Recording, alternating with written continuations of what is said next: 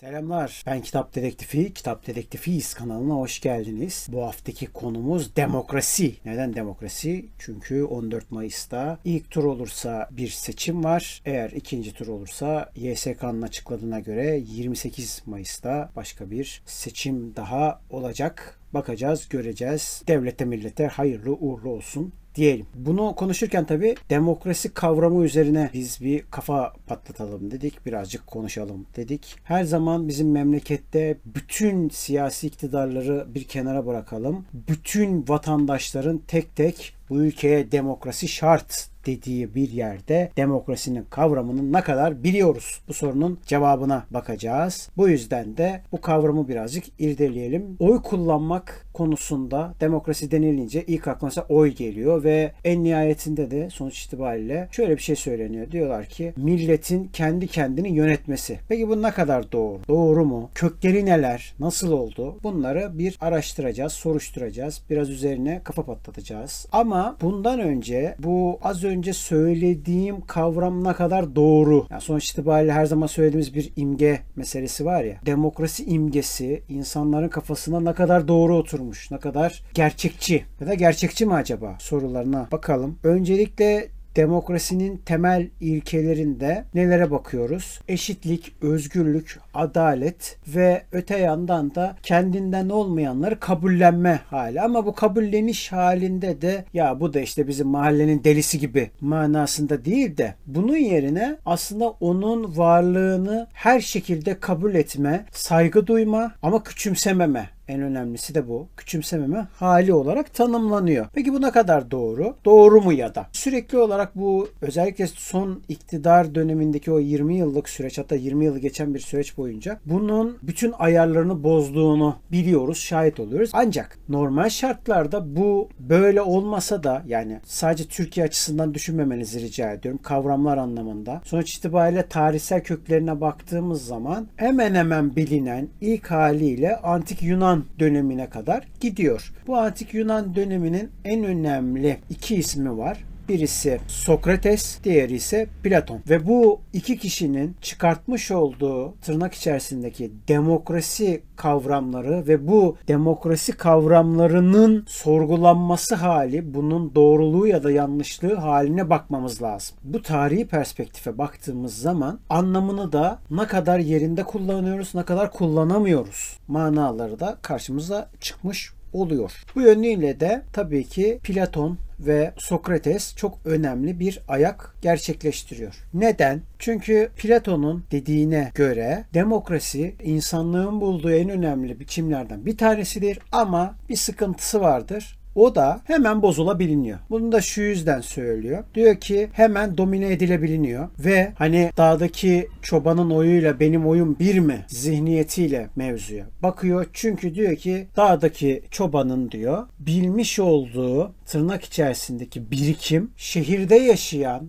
okumuş yine tırnak içerisinde erit bir kişinin bilgisi aynı olamayabilir. Yani bir aydının durumu aynı olmayabilir. Bu yüzden de hemen bozulma eğilimi gösterir. Çoğunluk eğer o çobanlarsa o zaman kendilerinin bile iyi koşullar haline gelmesini engelleyecek bir hal alır diyor. Yani kendi kendilerinin ayaklarına ket vurmuş olur. Hani nasıl diyelim sokak ağzıyla kendi topuklarına sıkmış olurlar diyor. Şimdi bunun doğruluğu yanlışlığı bir kenara Sokrates'in baldıran zehriyle öldürülmesinin aslında bir yönüyle hıncını alıyor Platon. Bunu niye yapıyor? Diyor ki zaten diyor bu bilgi ve birikime sahip olmayanlar çoğunlukta olduğu için onu idama götüren, onun öldürülmesine sebep olan gerekçelerin başında jüri üyeleri vardı diyor ve o jüri üyeleri de işte az önceki söylediğim kişilerden oluşuyordu. Dolayısıyla da demokrasi burada bize hiçbir şey kazandırmadı diyor. Aksine tamamen zehirlemeye başladı diyor. Buradan da özünde demokrasinin eşitsizlik vardır diyor. Aslında az önceki söylediğimin getirmiş olduğu bir sonuç sonuçtan bahsediyor. Diyor ki bu eşitsizlik öyle bir hal alır ki en sonunda kendi ayağını bile sıkmak zorunda kalırlar diyor.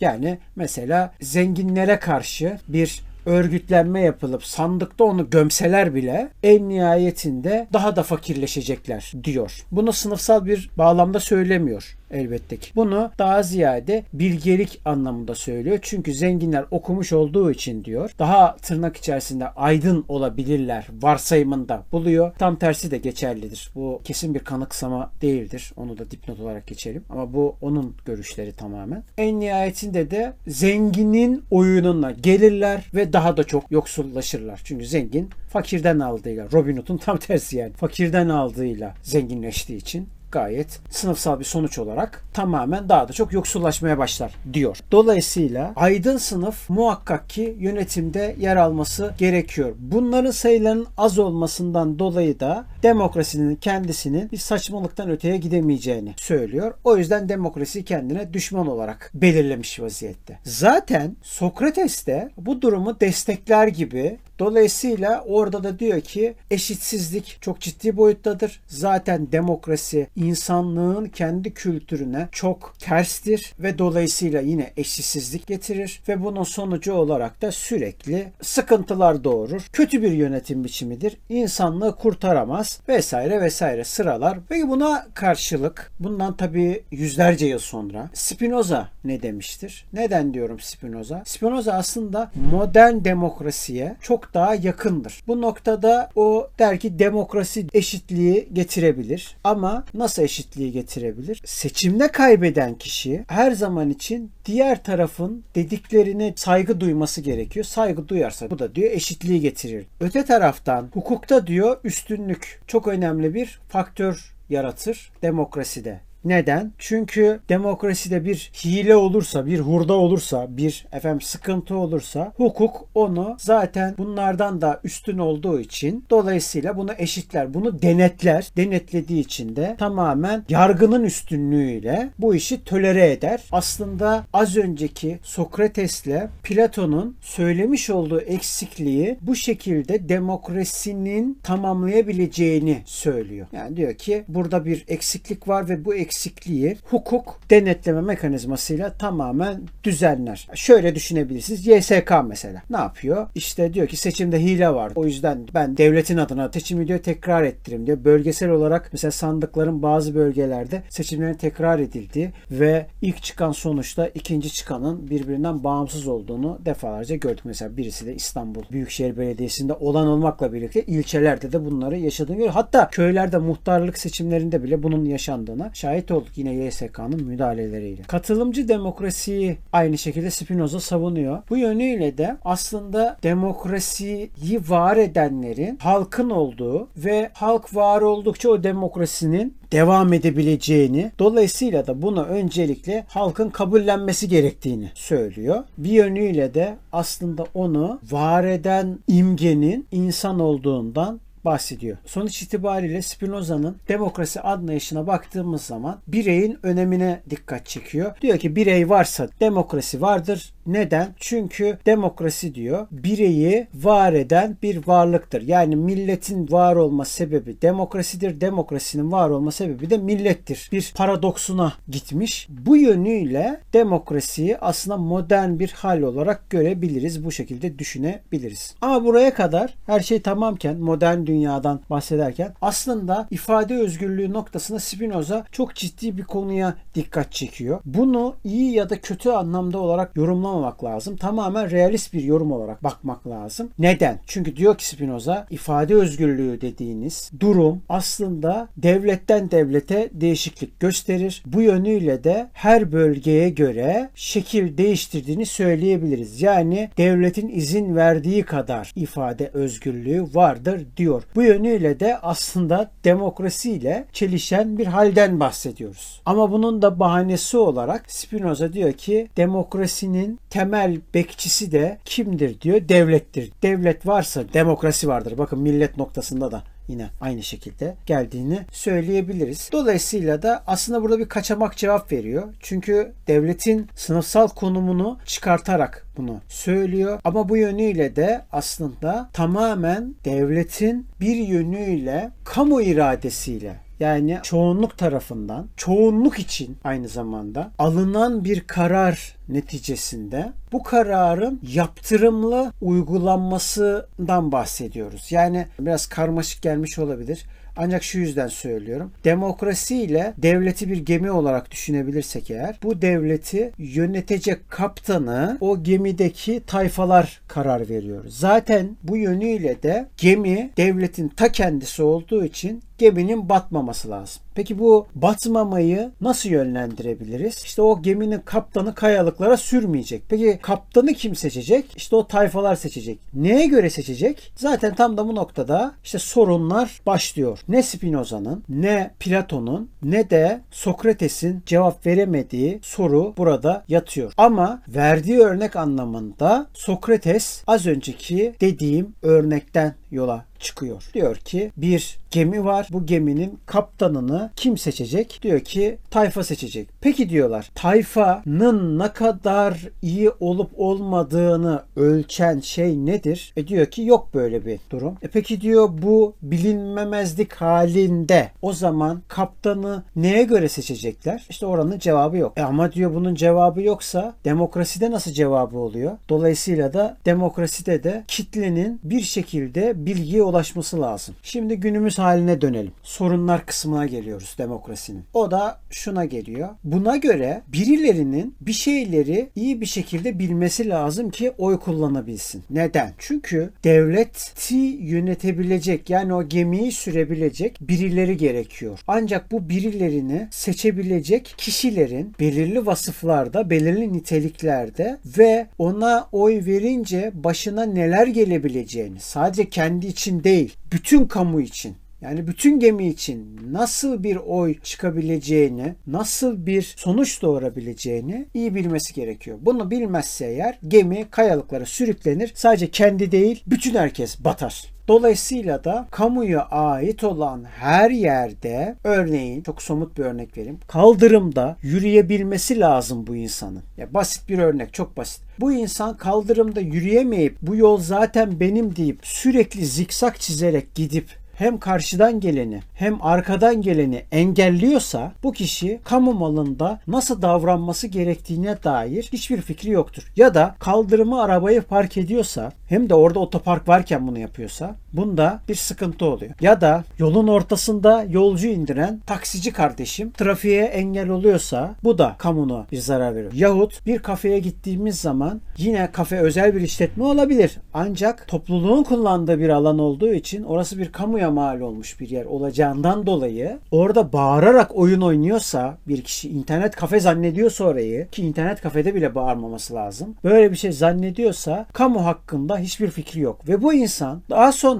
o kamu adına oy kullanmak noktasına geldiğinde kendi için mi oy kullanacak yoksa başkaları adına mı kullanacak? İşte soru burada doğuyor. Kriz de burada çıkıyor. Belirli bir eğitim noktasında buradan şu sonuç çıkıyor. O zaman işte sağlıklı birey olacak akıl olarak. Belirli yaş aralığında olacak ve en sonunda da belirli bir bilgi birikimine sahip olacak. Dolayısıyla da aslında konu bunu başka konuşmalarda da belirtmiştik zaten. Konu tamamen o kişilerin bulunduğu konum hakkında yorum yapmaları. E o zaman demokraside kim ne yapacak? Kimse ilgilenmesin mi? Hayır onu demiyorum. Bu kadar ilgilenmek ne kadar doğru? Birinci soru. Çünkü sonuç itibariyle ev kiramızı bile bu siyaset belirliyor. Dünyanın her yerinde böyle. Enflasyon oranları üzerinden kiralar belirleniyor. Peki enflasyonları kim belirliyor? Doğru bir ekonomik politikayla devlet belirliyor. Devleti kim yönetiyor? Az önce söyledik bir kaptan var. O kaptan nasıl götürüyor mevzuyu? Kaptanın götürdüğü yöntem basit. Diyor ki bu gemiyi ben yönetiyorum. Dolayısıyla da zaten Cumhurbaşkanı'nın da öyle sözleri var. Emirleri ben veriyorum, konuşmaları ben yapıyorum, kararları ben alıyorum diyor. Çok diyor sorumlu arıyorsanız o da benim diyor. Teknik olarak da doğru söylüyor yani. Bu arada bu konunun tek adam ya da değerlikle de alakası yok. Yani zaten böyle oluyor bu işler. Dolayısıyla da sistem böyle gidiyor. Dolayısıyla da siyasetle bir şekilde ilgilenmesi lazım bu insanlar. Ama bu kadar değil. 12-13 yaşındaki çocuğun politik analiz yapmasına gerek yok. Ama biz bu noktaya geldik. Ama bu da şu da demek de değil. Sürekli bütün memleket ya da bütün dünya futbolu takip etsin. Futbolla yatıp futbolla kalksın ama öbür taraftan da milyar dolarlar, milyon dolarlar havalarda uçuşsun kulüpler arasında. Biz de bu sırada simide para vermeyelim ya da mesaimize gitmeyelim maça gidelim. Ben taraftarım diyelim ve çoluğumuzun çocuğumuzun rızkından kısalım. Futbol izlemeye gidelim. Şimdi Böyle bir şey mi var? Şimdi bunu da demiyor. İkisinin ortası vardır. Seçim kullanmayı, seçime gitme hakkı elde eden kişilerin biraz da olsa siyasi bir fikirlerinin olması gerekiyor. Ama bunu komple hayatlarının bütünü olmaması gerek. Bu yönüyle de tabii ki siyaset merkezde değil yan bir unsur olması gerekiyor. Temsili demokraside ise bu noktada çözüm olarak sunuluyor örneğin. Ya da temsili demokrasinin bir yansıması olarak gösteriliyor. Referandumlar. E ben seni neden seçtim o zaman? Ben sürekli olarak referandumlarla neden aktif olarak senin her dediğini kontrol edeceğim, her dediğine bakacağım, her dediğini şunu yapacağım, bunu yapacağım değil. Yetkiyi verebildiğimiz kadar zaten hemen hemen bütün felsefecilerin ortaklaştığı nokta bu. Hatta Sokrates te bile bunu görebiliyorsunuz. Yetkiyi verebildiğiniz kadar yetkiyi de alabilmemiz gerekiyor. Bunu sağlayabilmenin bilgi birikimi ve aynı zamanda yönetimi ve bunun gücü olması gerekiyor. Ve bu güç bizi aslında tırnak içerisinde tam demokratik bir hale getirebilir ve olması gereken de zaten budur. Ama biz bunu yapmıyoruz. Ya 5 senede bir oy verdiğimizde sadece politikleşiyoruz yahut da sürekli politiyiz. İkisi de değil. Çözüm ikisi de olması hiç mantıklı değil.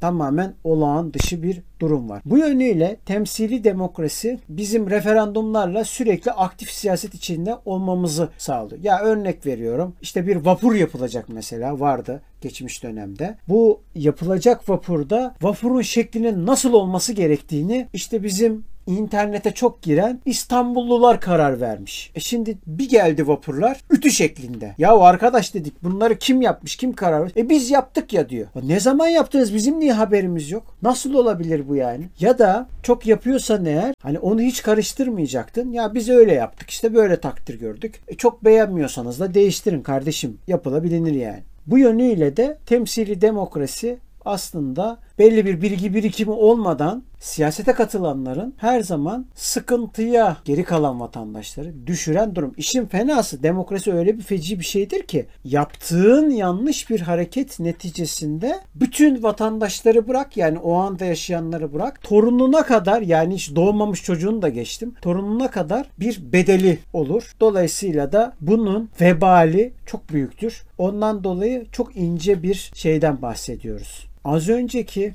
aslında adalet ve adaletsizlik üzerinden yapmış olduğumuz tanımlarda bakın ilkel halinden bahsetmiştik az önce antik Yunan'da. Şu anki halinde de yine bunu söyleyebiliriz rahatlıkla. Aslında demokrasi eşitlik getirdiği söylenir. Halbuki öyle değildir. Neden değildir? Zaten bu demokratik halde bile zengin olmadığın sürece ya da adaylık sürecinde belirli bir miktar para vermediğin sürece aday bile olamazsın. Propagandanı da yapmazlar. Propagandanı yapamadığın için de propagandadan kastım Platon'un bahsettiği demagoji üzerinden yapılan demokrasiden bahsetmiyorum. Propaganda hakkı vardır insanların. Kendini tanıtabilme hakkı vardır. Nedir bu? Bağımsız bir milletvekili bile olsan ya da bağımsız bir aday bile olsan senin kendini başkalarına anlatmak ve onlara ulaşmak, onlarla iletişim halinde olma durumun vardır ve bu temel bir haktır. Ancak bu noktada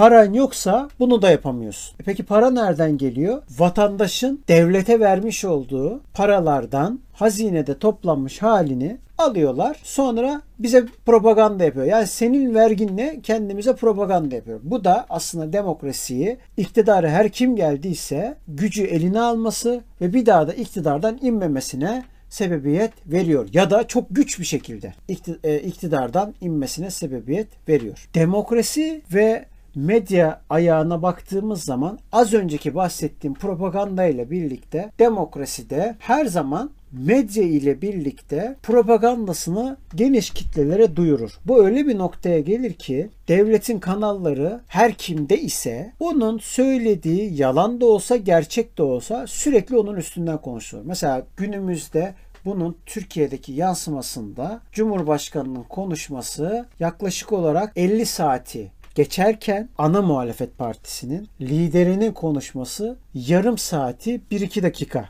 geçtiğini görürsünüz. Aynı zamanda da yine komünist olarak kendini tanımlayan bir siyasi oluşumun gelmiş olduğu noktada 2 dakikadan bile daha az propaganda yaptığına şahit olursunuz. Dolayısıyla da medyaya bu yönden kapatır. Ancak aynı medya öte yandan da propaganda noktasında çok yoğun bir şekilde vatandaşa gerçekleri çarpıtarak bilgiler verdiği için dolayısıyla yalan beyanlar verdiği için kitle de buna kolaylıkla inanır. Çünkü yönetimden haberdar olmak için o medyaya ihtiyaç vardır. Zaten bu yönüyle de propaganda kitabını okumanızı tavsiye ederim. Bir de bu işi sadece ulusal alanda değil, küresel alanda olmuş kısmı vardır. Demokrasi getiriyoruz diye emperyalist çıkarlara hizmet edip tamamen işgal politikasına gidenler vardır.